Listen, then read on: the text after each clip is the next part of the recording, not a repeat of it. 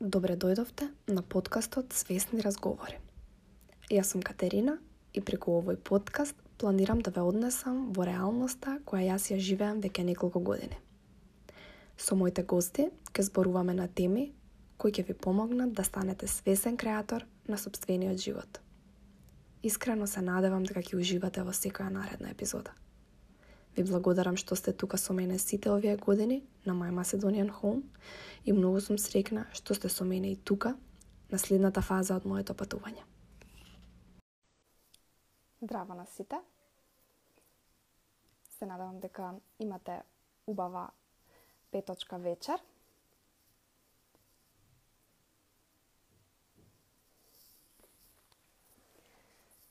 А, прв пат правам лајв во петок Не знам колку од вас се дома, колку се из, излезани, меѓутоа овој ден го одбравме заедно со гостинката поради тоа што а, утре има еден, односно два битни настани за кои што на почетокот ќе позборуваме, ќе каже повеќе таа, а, соларна еклипса и нова месечина.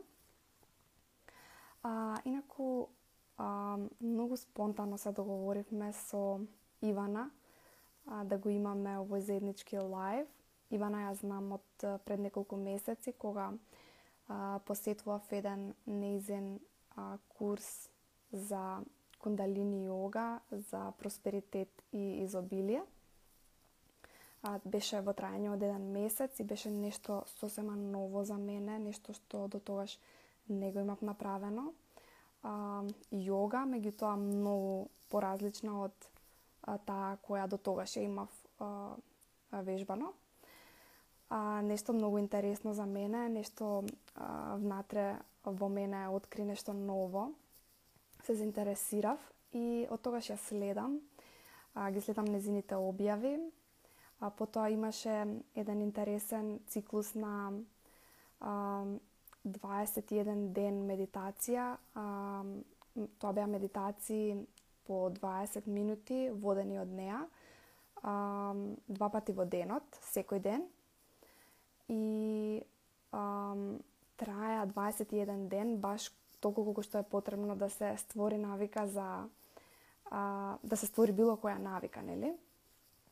Ке зборуваме и за тоа малку. А, инаку, духовното име на Ивана е Индра Шакти Каур. Ке каже повеќе и, и за тоа, бидејќи јас не знам дали точно го изговорив и не знам ни што значи. А, па затоа најубаво би било сега да ја поканам неа да се вклучи.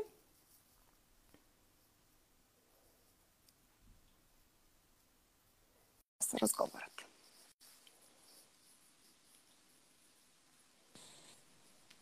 Па. Ивана, здраво. Здраво, чекај да се најдам. Ете не. Ете не. Сатнам. Сатнам. Фала ти многу за многу бавото интро, за многу бавото представување што го што го даде. Многу баво го кажа, спонтано се се најдовме, спонтано се споивме и баш ми е радо што сме сега тука. Um, Да почнем одма да се представам? Да, сакам да ни кажеш а, за твоето духовно име повеќе значењето. Е. Јас сум родена Ивана ам, и по некое време на овој духовен пат, кога се сретнав со кундалини йога, дури некако дојде и малку пред да се сретнам со кундалини йога, во основа си побарав духовно име и во кундалини йога традицијата ти го даваат и јас го добив Индра Шакти Каур. И Индра Шакти е во основа таа една божествена креативна сила во универзумов. Тоа е тоа е на некој начин значењето, а Каор го добиваат сите жени што го што што, што бараат духовно во кундалини традицијата и значи лавица. и буквално е некако еден и со името некако добиваш една одговорност да го носиш името, па така што ако јас сум лавицата што е тука да ја носи креативната божествена енергија на овој универзум, а, кога се представувам со Индра Шакти Каур, кога кажувам Сат Нам, се представувам во основа од вистината на мојата душа. Не од ова физичко тело, не од ова физичка манифестација, туку ед, како душа што дошла на овој свет, да се запознае со овој свет, да се запознае со луѓето околу нив и тука да се најде. А кој ти го дава тоа име? А, има организација, 3HO, и многу чудно звучи, вака, знаеш, одиш на сајт, куцаш, пополнуваш нешто за себе и го добиваш духовното име. Во основа треба ти собствено да решиш да не го правиш тоа со леснотија, да не го правиш колку да пополниш некое нешто на интернет, туку буквално со некоја желба да, да, да, да видиш кон што те, те влече душата. И има на 3HO, така се вика 3HO, тоа се uh, Happy Holy People и Тоа е една кундалини организација, основана уште во 70-тите години и одредени луѓе во кундалини традицијата ги разгледуваат тие барања и одлучуваат за, за духовно име. Може да се побара исто така и физички. Има една е овластена, Ниринджан Каур се вика, она е овластена да дава од Йоги Баджан кој веќе е починат, она е основателот на кундалини йога, mm -hmm. она е овластена да дава духовни имиња. Ако случајно имате повик, сакаш да видиш Триечо, ќе, ќе најдеме, ќе дадеме линк кај, треба. Spiritual name. А, можеш ли да ни кажеш а, повеќе за кундалини йогата? Ајде. А, значи, како секој вид на йога, ние сме обично запознаени со оваа Инстаграм верзија или со со движења, со асани, со многу убави пози, со таква. Има разни видови на, на, на йога, ама секоја йога крајно ја крева таа кундалини енергија што заспана во нас. А, кундалини йога што јас ја предавам е во основа само една основ, готов систем создаден од Йоги Баджан во 70-тите години, мислам уште од предходна, ама така пораснал во 70-тите во 70-тите години. И во основа како што не се користи само телото и не се работи само на физичкото тело, ниту се работи само на медитација, ниту само на тие две, се спојуваат буквално здивот, телото, фокусот внатрешен и преку мудри медитации, чудни движења и многу многу повторувања се крева таа една енергија во нас на многу ефективен начин. Тоа е кундалини йога што јас ја предавам во основа секој го ја крева таа кундалини енергија, ама како што рече ти на циклусот многу интересно, многу ефективен брз начин се крева таа кундалини енергија со оваа јога. а, кажи ми, а, сакав да знам повеќе околу а, тоа како ти влезе во кундалини јогата. Дали предходеше на тоа друг вид на јога, ова што е по комерцијално прифатена, да речам. Или беше... Сите... Да. Мислам дека сите влегуваме во јога светов по нека со, со нека физичка, со нека, mm -hmm. со нека физички влез преку таа физичка јога, преку таа динамична јога. А, завршив тука во Inside Yoga кај Неда Коцаре, завршив прво аштанга јога да да бидам учител и искрено јас немав никаква намера да бидам учител. А, сакав да научам да вежбам јас, затоа што немав секојаш можност да одам физички на јога. Mm -hmm. Сакав да знам што правам дома. Тогаш немаше ни толку на YouTube, тоа што имаше не ми беше баш најасно, сакав да знам што правам, се запишав на првата обука што ја најдов. И таа ме турна така на целиот пат, многу интересно. На патот, иако кундалини јога ја немаше многу во Македонија, мислам дека една девојка само само држеше не, нешто така, не знам, не, не, не беше ни во Скопје. А, некако самиот свет ми донесе кундалини луѓе во, во, во животот, така се запознав со едни двајца од Канада, што беа кундалини учители, такви. Баш ми рекоа, едниот од нив, баш ми рече, може би треба да пробаш да си земеш духовно име. Така, змуавет. И така ми тргна мој, мојот кундалини пат. Се споја тие две. Ама да, преку физичкото дел, преку аштанга јога имам почнато и понатаму, иако физичкото многу ми годи и многу ми треба и мислам дека е многу потребно за секој, во основа беше таква една транзиција кон едно помедитативно духовно искуство понатаму за да стигнам денеска каде што сум, дека за, за да го давам ова што го давам. Затоа што медитација никогаш не ми била нешто лесно, а, особено на почетокот. Полесно ми е да влезам во движечка медитација, полесно е да се поврзам со, со себе преку физичкото тело, ама и медитација си, си настапи така во секојдневие, сега ми е дел од секојдневие со кој што буквално не можам, без кој што не можам. Колку пати во денот медитираш? А, тоа не се брои, ама не, еднаш си медитирам. Си имам една утринска пракса, таа си ја терам, ако не стигнам утрото да завршам, во текот на денот ќе пробам да ја завршам. А, во секоја јога традиција, ама особено во кундалини јога е многу важно, си имаме садана. Тоа е една редовна духовна пракса. Садана е буквално духовна пракса, тоа значи. Тоа е еден дел од денот каде што ќе се посветиме, каде што се посветуваме, го посветуваме духот и на духот се посветуваме. А, во кундалини јога, тоа традиционално трае два и пол сати, два и пол часа. И тоа не секогаш ги стигнуваме тие два, два и пол часа, затоа што сепак сме луѓе што сакаме да бидеме во овој свет. Не е само медитација, има и физички дел нормално, ама тие два и пол е се во основа тоа што се, се пресметало дека треба да е данокот што ние треба да го дадеме не на себе, туку на бесконечното, на нешто поголемо од нас во основа 10% од денот, 10% од 24 часа. Mm -hmm. Се смета исто така дека 10% за работувачката треба, треба да ја дадеме. Да. Ето така. А, нели, и имаме и во, и во кафана, имаме 10% е убаво да оставиш бакшиш. Mm -hmm. Тоа има, има нешто со тоа 10, 10% данок што го даваме. Mm -hmm. Има. А, Тука сме вечерва за да зборуваме најмногу за медитацијата. Ти имаше еден многу интересен лайв, ми се чини и циклусот така се викаше, демистификација на медитацијата.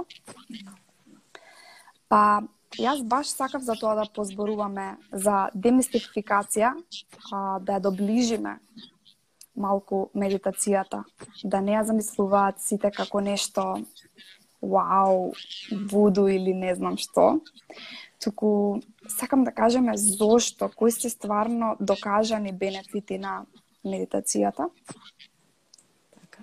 и како да почнеме. Ах, ах. Секогаш Ајде прво зошто.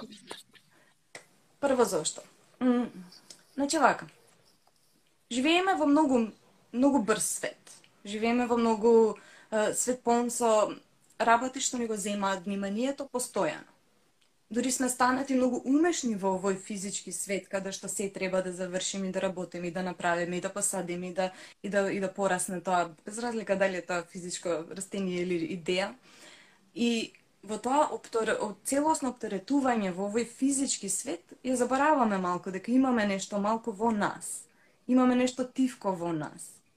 И тоа ни ствара Тоа ќе го видиме на секаде околу нас, ствара голем стрес врз нервниот систем, имаме пореметување од кои што не можеме ни да се повратиме. А, постојано не живееме во моментот, туку се движиме напред, мислиме на иднината, се секираме за, за, за минатото.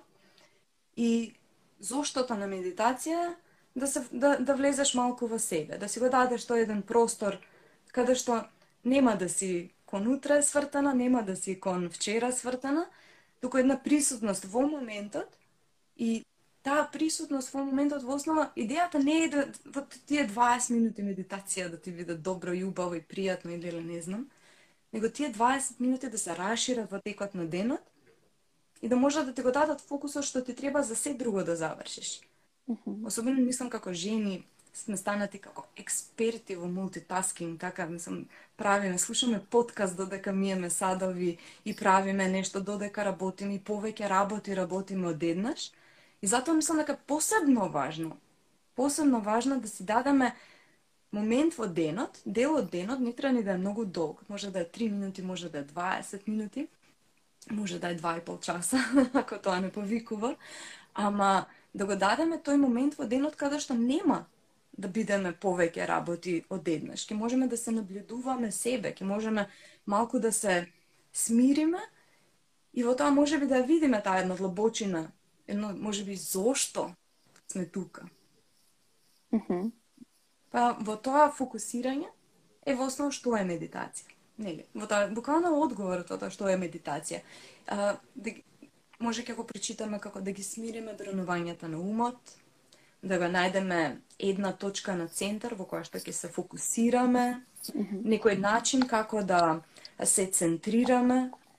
И тоа го имаме слушнато на милиони начини животов како порака дека ни треба. Во основа, зошто ни треба? Ни треба заради тоа што сакаме да бидеме човечки битија со богато човечко искуство, да видиме многу работи, да искусиме многу работи, сакаме, сакаме да освоиме, сакаме креацијата наша да се оствари, сакаме да бидеме дел од светот, сакаме да седнеме со пријатели, да имаме фамилија, да растеме и да и се тоа да го носиме на себе. И во основа да видиме дека медитација е еден начин како да го регулираме тоа, како да можеме да сносиме тоа што е нашата најголема желба. Затоа што нервниот систем исто така треба да биде истрениран да може да го прави тоа. Вау. ова, ова резонира со мене многу.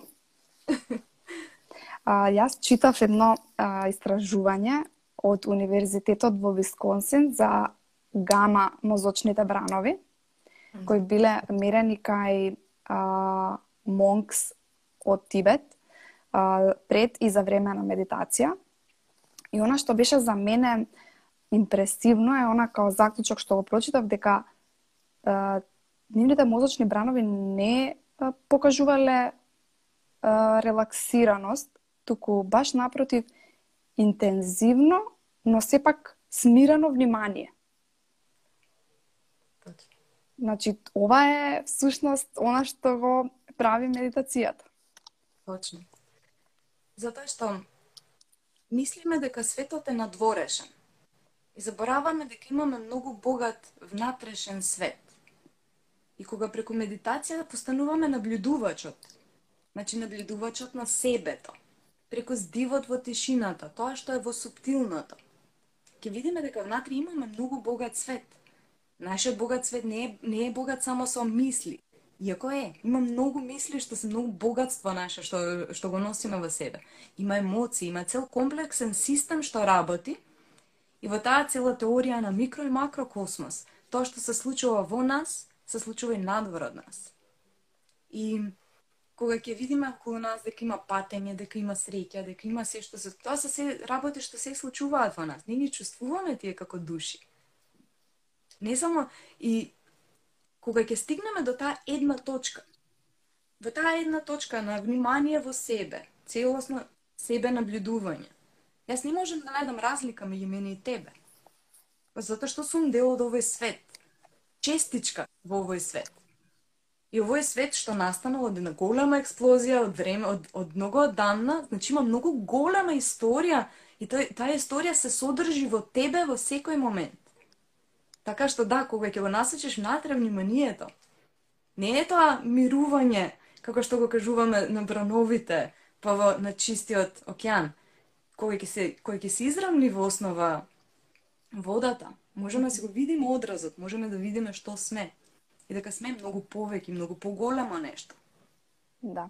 Ова, ова е одлична аналогија. Да.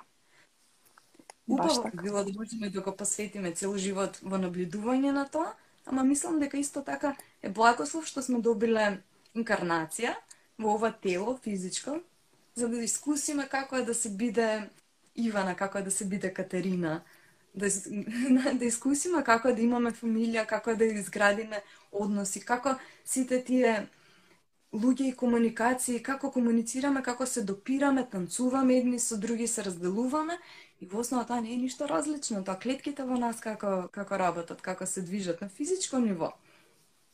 Има комуникација, невроните носат информација и тоа е цел многу комплексен систем што е во нас и надвор од нас. Mm -hmm како да почнат тие што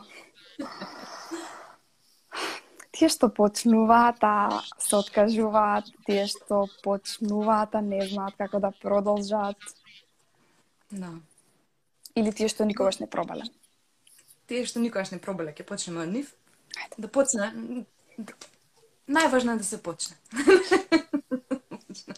а, во основа, на почеток, кога почнуваме со медитација, дури мало, може би, откако ќе помине некоја фаза на фрустрација, може би некоја заљубување се случува, супер ние.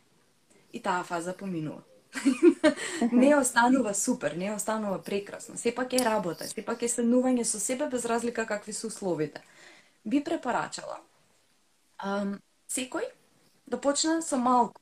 Не со не со големи системи, комплексни курсеви и не знам, и да ме води и длабоко. Јас секогаш, особено за луѓе што се многу зафатени, препорачувам тишина и тајмер. Не препорачувам некој да ги води, не препорачувам тишина, тајмер и дисциплина. Значи, утре 7.30 од 7.30 до 7.33. Ќе им кажам на сите дека не треба да ме вознемируваат, него дека јас овие три минути ќе ги седам. И ги седам колку и да ми е досадно. Мисли ќе доаѓаат досадно. Мисли ќе доаѓаат, прај комуницирај со тие мисли. Ако многу мисли доаѓаат, поседи повеќе. Поседи 11 минути, поседи 20 минути со тие мисли. И знај дека тие мисли нема да те владеат понатаму во денот. Затоа што ќе си се соочил со нив прво. Mm -hmm. И на некој начин, како да се почне, седни и почни. Диши.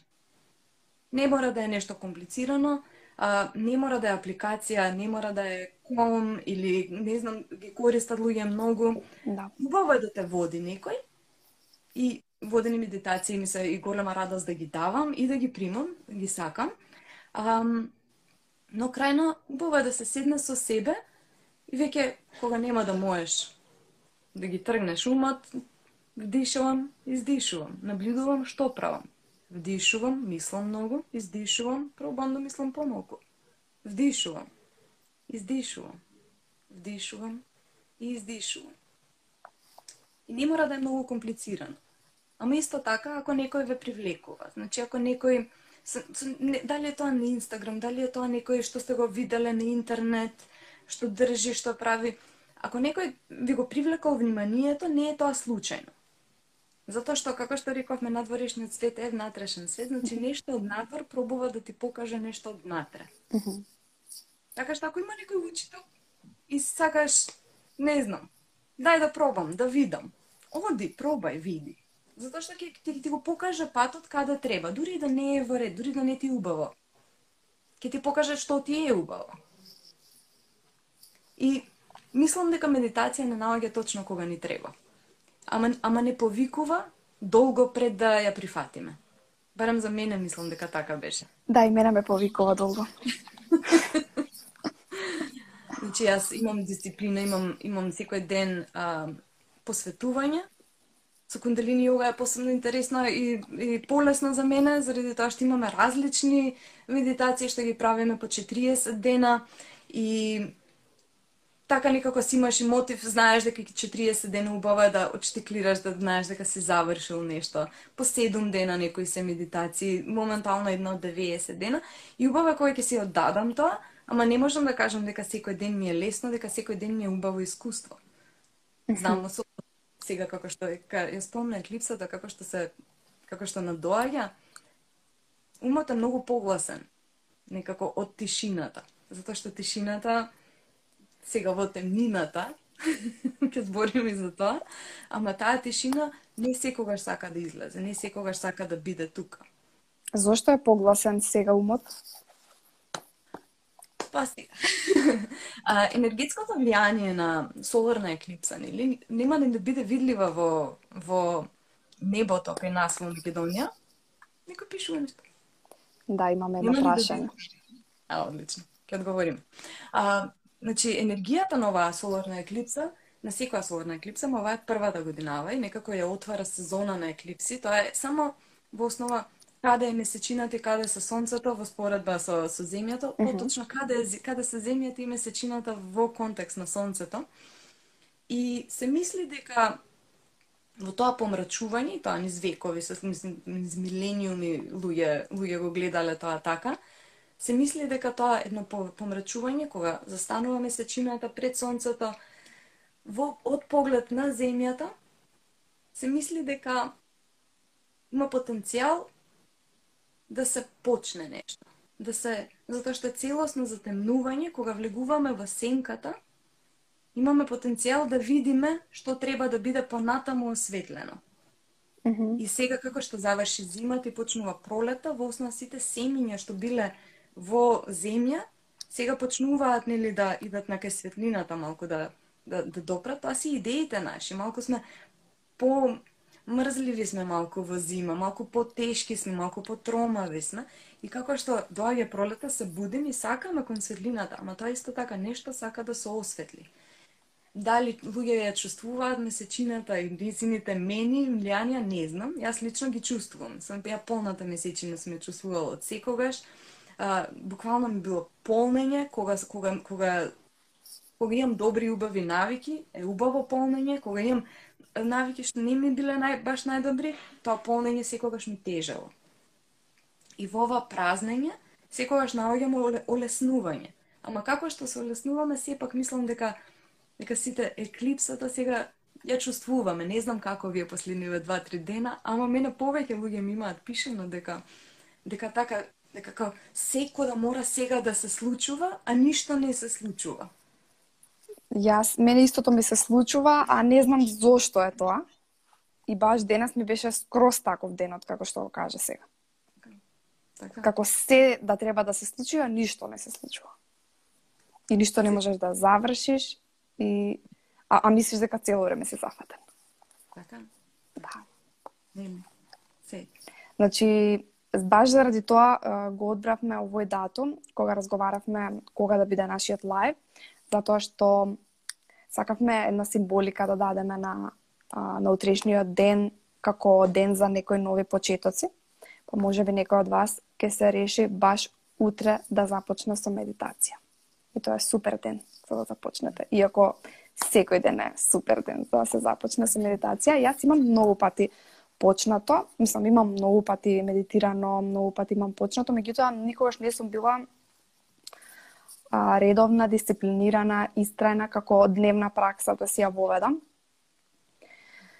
Не знам што се случува, дали е често ова, дали со тебе го комуницираат другите, а, например, оние кои учат кај тебе, зошто се случува ова? Дали има некогаш кога сме спремни ние да почнеме со медитација? Дали треба да го форсираме тоа? Концептот дека кои сме ние. Нели на почеток зборев Иван Индрашакти, која јас сум. Концептот дека ние сме некој. Катерина, што држи блог, што разговара, што држи подкасти, мајка, сопруга, керка на твоите родители, така. Тоа се некои концепти за тоа кои ние сме. Во медитација, кога го носиме вниманието во нас, малку ни се менува концептот за тоа кои сме ние. Гледаме малку по широка слика за тоа кои сме. И со тоа умот почнува да се бунтува. Умот, не, умот е многу убеден дека знае кој е. Го градил цел живот ова чувство за тоа е јас сум. Умот е сигурен и не сака ништо да го смени тоа. Го нарекуваме тоа его, тоа чувство за тоа, таа идентификација за тоа кој сме. Во медитација, нели, често мислам дека луѓе го кажуваат тоа така го убиваме егото. Јас мислам дека не можеме без его. Um, во медитација, нашето его се смалува. Тоа која јас сум, станува многу поширок поим од овие сите идентификации малецки што ги давам Ивана, жена, јога учител, фотографка или кој било идентификација што ги имам за себе. И во основа умот се бунтува и не сака. И мислам дека таа е пречката на многу луѓе што чувствуваат. Знаат дека знаеме дека треба да седнеме малку во тишината, знаеме, ама тоа малку ќе го раши, ќе го ќе го прекрши тоа кој ние сме заради тоа што ја тоа ја што сум тоа што умот мисли дека сум треба да стане, треба да направи ручек, треба да исчисти нешто, треба да, да напише мејл, да разговара со луѓе, да иде на работа, да И тоа е таа јас не сакам, не сакам, мислам, умот се плаши дека тоа јас нема да постои ако малку поседи во една поширока слика. Ама тоа не е свесен страв, тоа е многу подсвесно, тоа е многу на многу на многу подсвесно ниво тоа работи во основа нашето его не сака, не сака да се откаже, не сака да биде ништо друго освен тоа што знае дека е. А во основа клучот на тоа ширење на тоа кои сме е во тоа да, да си внесеме навик. И мислам дека ти си многу свесна за ова. Знаеш дека навики буквално е, прават простор за да можеш да бидеш да можеш да сјаеш, да можеш да, да, да оствариш, да можеш да креираш, да можеш да за се тоа. И затоа мислам дека таму е пречката. Затоа да речеме кој ќе видиме, ова ќе го дополнам вака само кратко. Многу е убаво да имаме во таа рутина и таа навика фиксно време, некоја едноставна облека, значи не без многу умот да мисли што треба да прави, фиксно место, за умот веќе кога ќе седне на тоа место да знае. Седнав да медитирам и овие 10 минути реално друго не правам.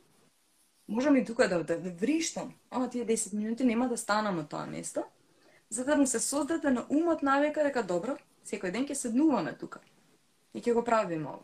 Тој простор може да биде наједноставен, наједноставното ќоше дома, до кревет, каде и да е најтивко, каде и да е нај, најлесно да се седне. И кога ќе го воспоставиме тоа, во основа мораме да го хакнеме умот. Затоа што е многу комплексна машина што многу одам научи кои сме. И мора да го хакнеме на некој начин, мора ние да го превариме, да го излажеме, да, да, да го ко, ко мало дете мислам дека и ти треба да го научиш како треба својот ум. така да тоа, како, како хинт некој, ете како може би да, да останеме верни на медитација на, на, на себе да му дадеме рутина, така и тоа тоа правите и вие со ти и ти правиш тоа со децата. Им даваш рутини за да научат точно кога се прават некои работи и зошто. А од секогаш ми било интересно и сум се прашувала што треба да мислам во моментот на медитација. Дали треба да ми биде бело, нака како празно, бела позадина, не знам како некоја боја, црно, не знам, нешто, што? Што, што има таму? што, што има треба таму? да има? Значи, кога е водена медитацијата, е малку полесно, така учител ве вози малку и ви може би да дава и бои, може би да дава е, простори, нели? Затоа и сакаме водени медитации, ни даваат што умот да замислува, нели? Многу интересно, мислам дека и знаеш за ова. Е, различно ни гледаат умовите. Некои гледаат визуелно, некои имаат аудио mm -hmm. умови, некои имаат само концепти, јас сум од тие со концептите, многу тешко визуализирам во глава, аз сум креативен човек, така се сметам за креативен човек, што ми секогаш ми било интересно. А, финтата е што ам, не толку да, да што треба да видиме, да не, не толку што треба да ставиме, не што треба да мислиме, него нека биде прашање, нека биде прашање, што има таму? Добро, што има денес во мене? И нека излезе, нека само нека се покаже. И како што ќе се покаже, не лепи значење, да не лепиме значење, meaning making machines, на така така за луѓе викаат, да не лепиме значење на тоа, него добро што има денес да излезе, добро денес се мисла, денес се мисла. Добро, ајде ќе се вклучиме со оваа мисла сега. И кога ќе се вклучам со оваа мисла, може би ќе пуштам, ќе издишам, да истече од мене. Um, Што има денес? Емоција. Што сака да ми покаже емоцијата? Биди со емоцијата. Замисли да, да, да немаш простор да бидеш со таа емоција. А сама ќе се покаже.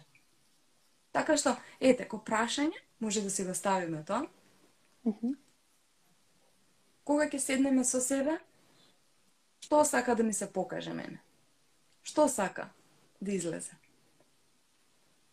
А дали некој друг вид на прашање може да се постави, мислам дека имам за ова читано или разговарано со некој, долго нешто те мачи или нешто сакаш да дознаеш, дали можеш да си поставиш намера пред медитацијата или за време на медитацијата, сакам одговор на ова да добијам денес со оваа медитација.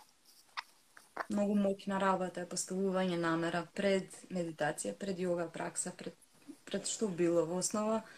Да, Па да, пред што било медита... намера да се постави на почетокот на денот е многу моќна работа. Многу моќна работа. А во основа кога сакаме да да дознаеме нешто, нешто да ни се покаже, многу ми е интересно дека дека овоа баш го збориме за нешто да ни се покаже, збориме за еклипса нели. Нешто да ни се покаже, што сака да ни се покаже. А, кога ќе поставиме таа намера, особено на начинот на кој што нас автентично ни доаѓа да ја поставиме, не некој да ни каже сега мислим на тоа, сега сега сети се. Кога ќе поставиме таа намера, можеме да дозволиме простор сами сами да излезе, затоа што крајна медитација и е разговор со нашата интуиција.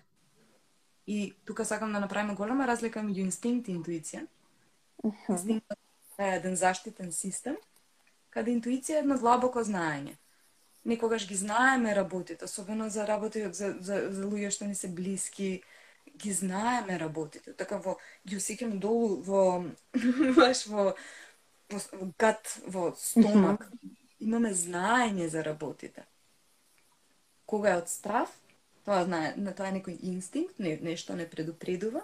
Во разговор со интуицијата, во тишината, можеме да дозволиме интуицијата да ни каже нешто, да ни представи нешто и понатаму, ако сме доволно тивки, дури да послушаме. Ага. Треба едно стишување. Се треба едно стишување за да можеме, да, да поставиме намера и сакам ова да го решам. Сакам ова да го решам сега. Сега. Mm -hmm. Сега и тука. А, која е разликата меѓу медитација и молитва? Много убаво прашање. Um, каде што во медитација го носиме фокусот нели навнатре, ги внесуваме сите сетила навнатре кон себе и во тоа насочување навнатре имаме сепак контакт со бесконечноста што, што е во нас. Во молитва повеќе е тоа а, обратна енергија, ја, ја праќаме нашата, од внатре ја праќаме нашата енергија на надвор. А, си бара молитва да имаме некоја конекција со Бог, да имаме конекција со Божественото. И често ја мислиме како барање, поможи Боже, ама кога е најискрена, кога е најискрена молитвата, во основа е само дај ми сила затоа што знаеме дека има некоја сила што е поголема од нас и кога немаме, ни треба да ни ја даде. Дај ми сила. Тоа е, тоа дај ми сила е молитва. Каде што во медитација не бараме, Mm -hmm. него едноставно дозволуваме само да се покаже се што треба. Двете се многу, јас мислам дека молитва е многу моќна медитација. Mm -hmm. Особено ако не ја правиме за да бараме нешто од горе, што и да е нашето горе, ако се ставаме секој ден во молитва, мислам, тоа е духовна активност. Ние сме секој ден во медитација, едно со Бог пробуваме да бидеме. Тоа е длабока молитва. И тоа е различно од таа молитвата што е дај ми сила. Ама крајно се двете истото. Ама се различни. Јас го гледам тоа како различен пат кон... До иста цел? Mm -hmm. До истото. А, значи, според ова, а, медитацијата и молитвата не се исклучуваат една со друга. Не. не. Може да... Да, тоа така медитацијата, да речеме, особено во, во нашиот свет, е дојдена малку а, од истокот, нели?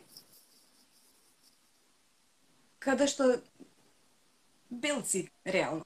Имаат малку земено, малку изџвакано, дадено на нашиот бел свет, нели? И во тоа малку си има изгубено таа конекција. Тогаш, тогаш си има и развоена медитација од, од молитва. Ама во основа, јас сметам дека може секој што, мо, што има вистинска, што има длабока конекција со Бог на свој начин, да се поврзе и да и да биде со Бог. Тоа е тоа е крајно целта целта. Не, не е убаво да се цели. Мислам. не е убаво да се цели. Ама тоа е крајната можеби дестинација. Да се биде едно со Бог, каде што да се биде едно со себе е исто исто. Не мислам дека се исклучуваат едно со друго, ама мислам дека кога почнуваме да ги боиме работи преку религија и правила, можеме да заборавиме дека сето е едно. Дека сите сме едно. И дека сите култури и дека сите народи си имаат своји посебни начини како да се поврзат со бесконечноста. Mm -hmm.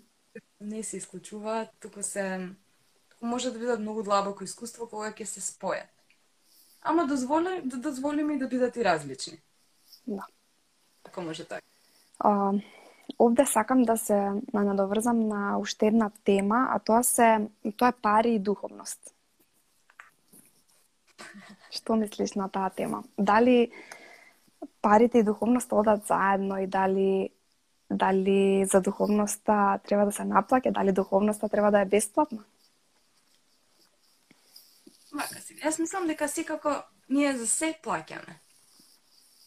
А, ти можеш да одиш во црква и да не дадеш ни денар ни икона, ама само тоа, тоа што одиш во црква, а, плаќаш. Плаќаш со твоето време, плаќаш со твоето внимание, плаќаш со твоето тело, ум, а, луѓе се заманашуваат и така натаму. Ама живееме во повеќето живееме такви динамични животи каде што идеме на работа, имаме фамилија, имаме деца, не можеме да се дадеме на некој аскетски живот. И кога сакаме да живееме во овој физички свет, во овој материјален свет, живееме под материјални услови. И тие услови околу нас имаат енергија. И таа енергија, тоа времето и енергијата ние што го вложуваме, излегува во форма на пари. И тие пари си ги даваме едни на други за размена, за, за, за различни услуги. Ама пари се е енергија.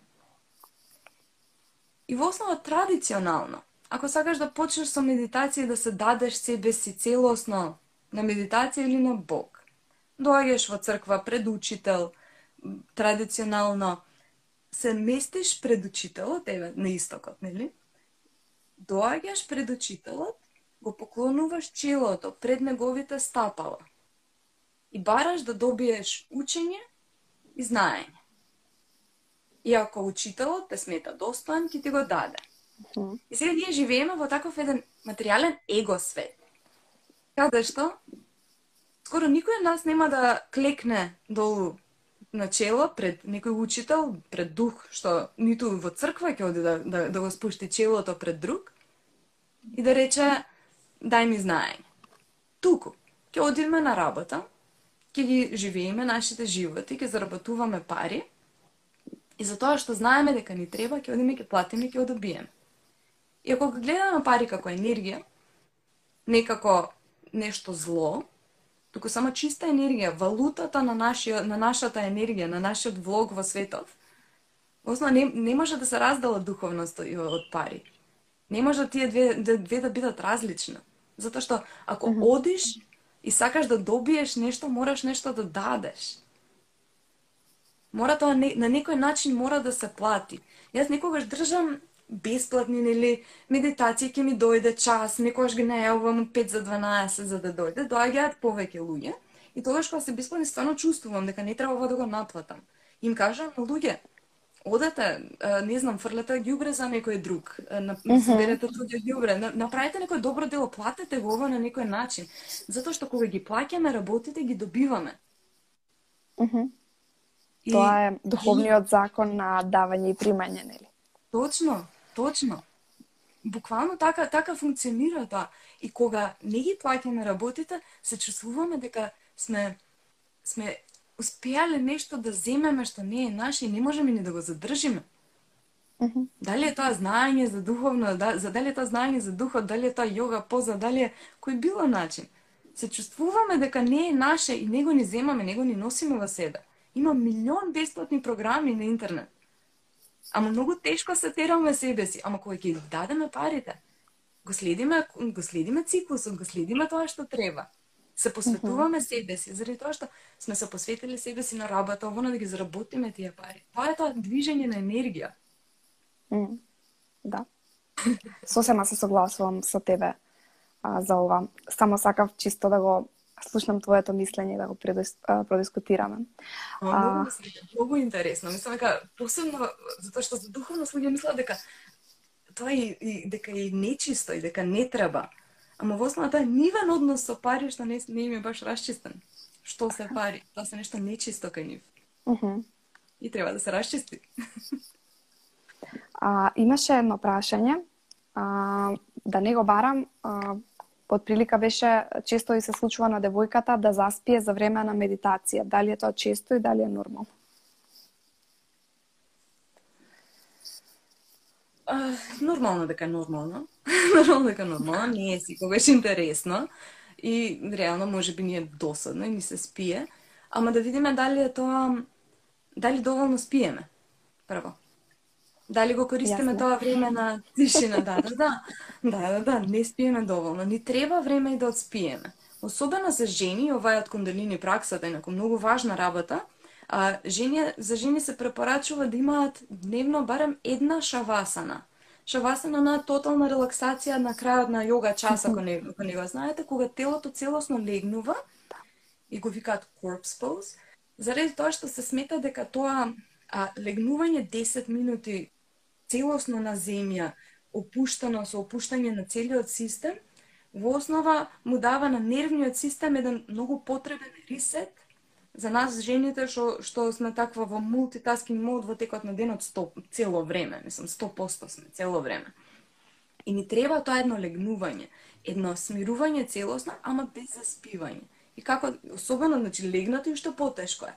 Особено кога заспиваме, или така малку се трзе, трзе главата, оди, оди.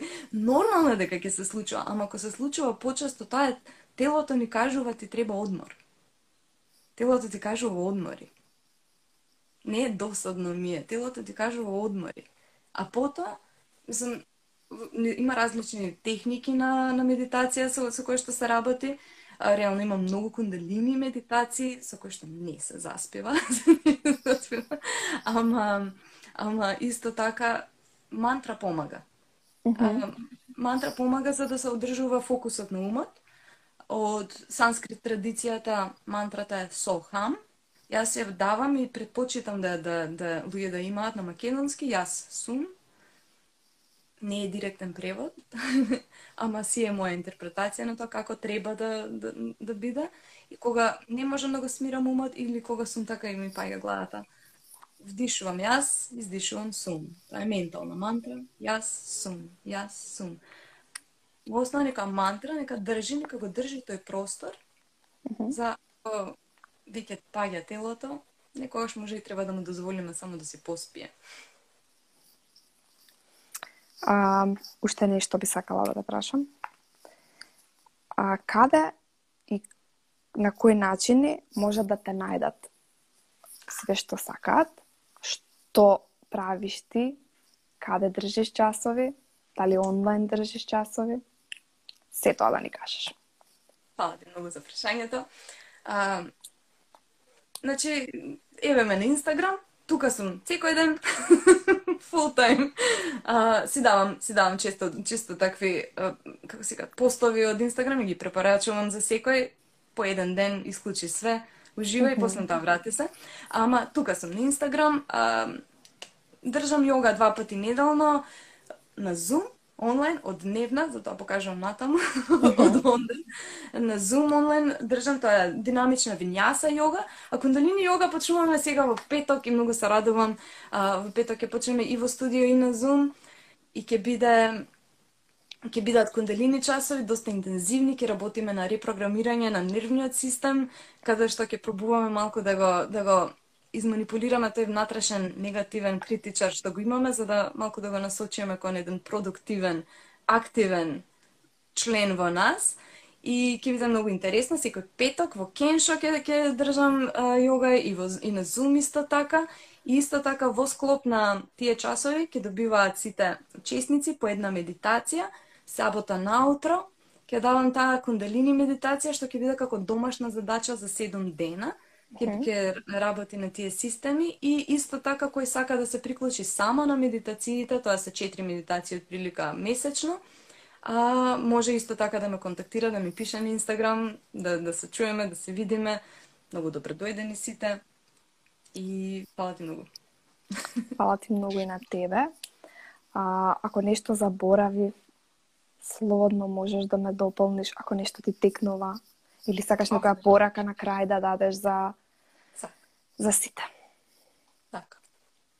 По- Еве, Фала ти од срце за овој разговор. На вистина ми беше во моментот како некоја рефлексија со се огледало како разговор со универзумот, имав некои работи кои ме праша што може би требаше Еве го универзумот. Еве го универзумот. Ништо не е случајно, лахе, гуру. Ми беше така, а, додека одговарав, се фатив себе си дека си одговарам на некои прашања што уште од Савајлево, што од медитација ми се ми зумат ми се врткаат и убаво ми дојда. А, утре е соларната еклипса и ќе ќе посакам на сите што сакаат да си дадат можеби еден ритуал за утре. Тоа се случува утре вечер, нема да биде видливо на нашето небо, но да си ги одвоиме како еден момент тишина во еден кјош, да се ставиме можеби вечерта. А, и да земеме тетрадка и лист. Значи, да имаме пинкалца, ливче. Ке останеме на почеток. Останете си со едно празно ливче пред себе и останете малку во тишината. Така и како што зборевме треска, што сака да излезе на виделина, што сака да биде видено. Дајте си една само медитација, од некои 5-10 минути. Не повеќе. Значи со тајмер, без многу мислење како треба, дали треба да дишаме, што да правиме. Само во умот прашањето што треба да видам, што е спремно да излезе на виделина, што чека да ја види светлината. Некоја варијација на тоа што резонира со вас, само седнете си можеби со дланки на срце, затворени очи.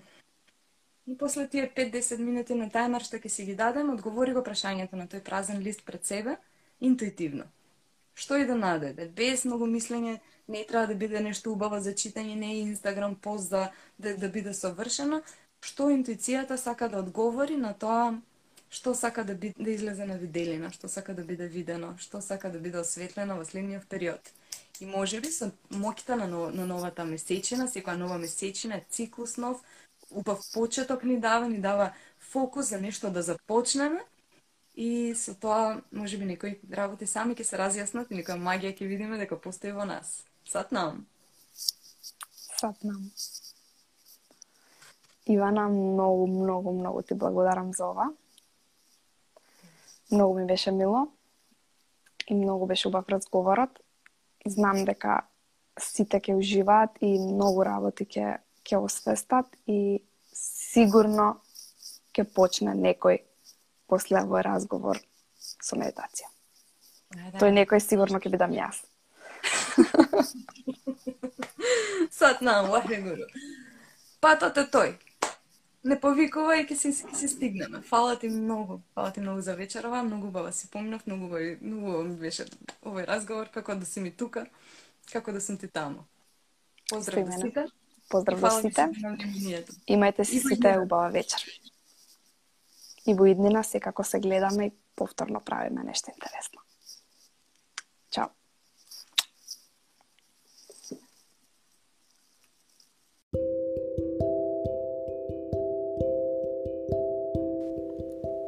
Ви благодарам што го слушавте подкастот Свесни разговори. За повеќе бесплатни ресурси, посетете ја мојата веб страна mymacedonianhome.mk. Подкастот е всушност превземен од мојот Instagram Live и освен што можете овде да го слушате, можете и да го гледате на мојот Instagram профил.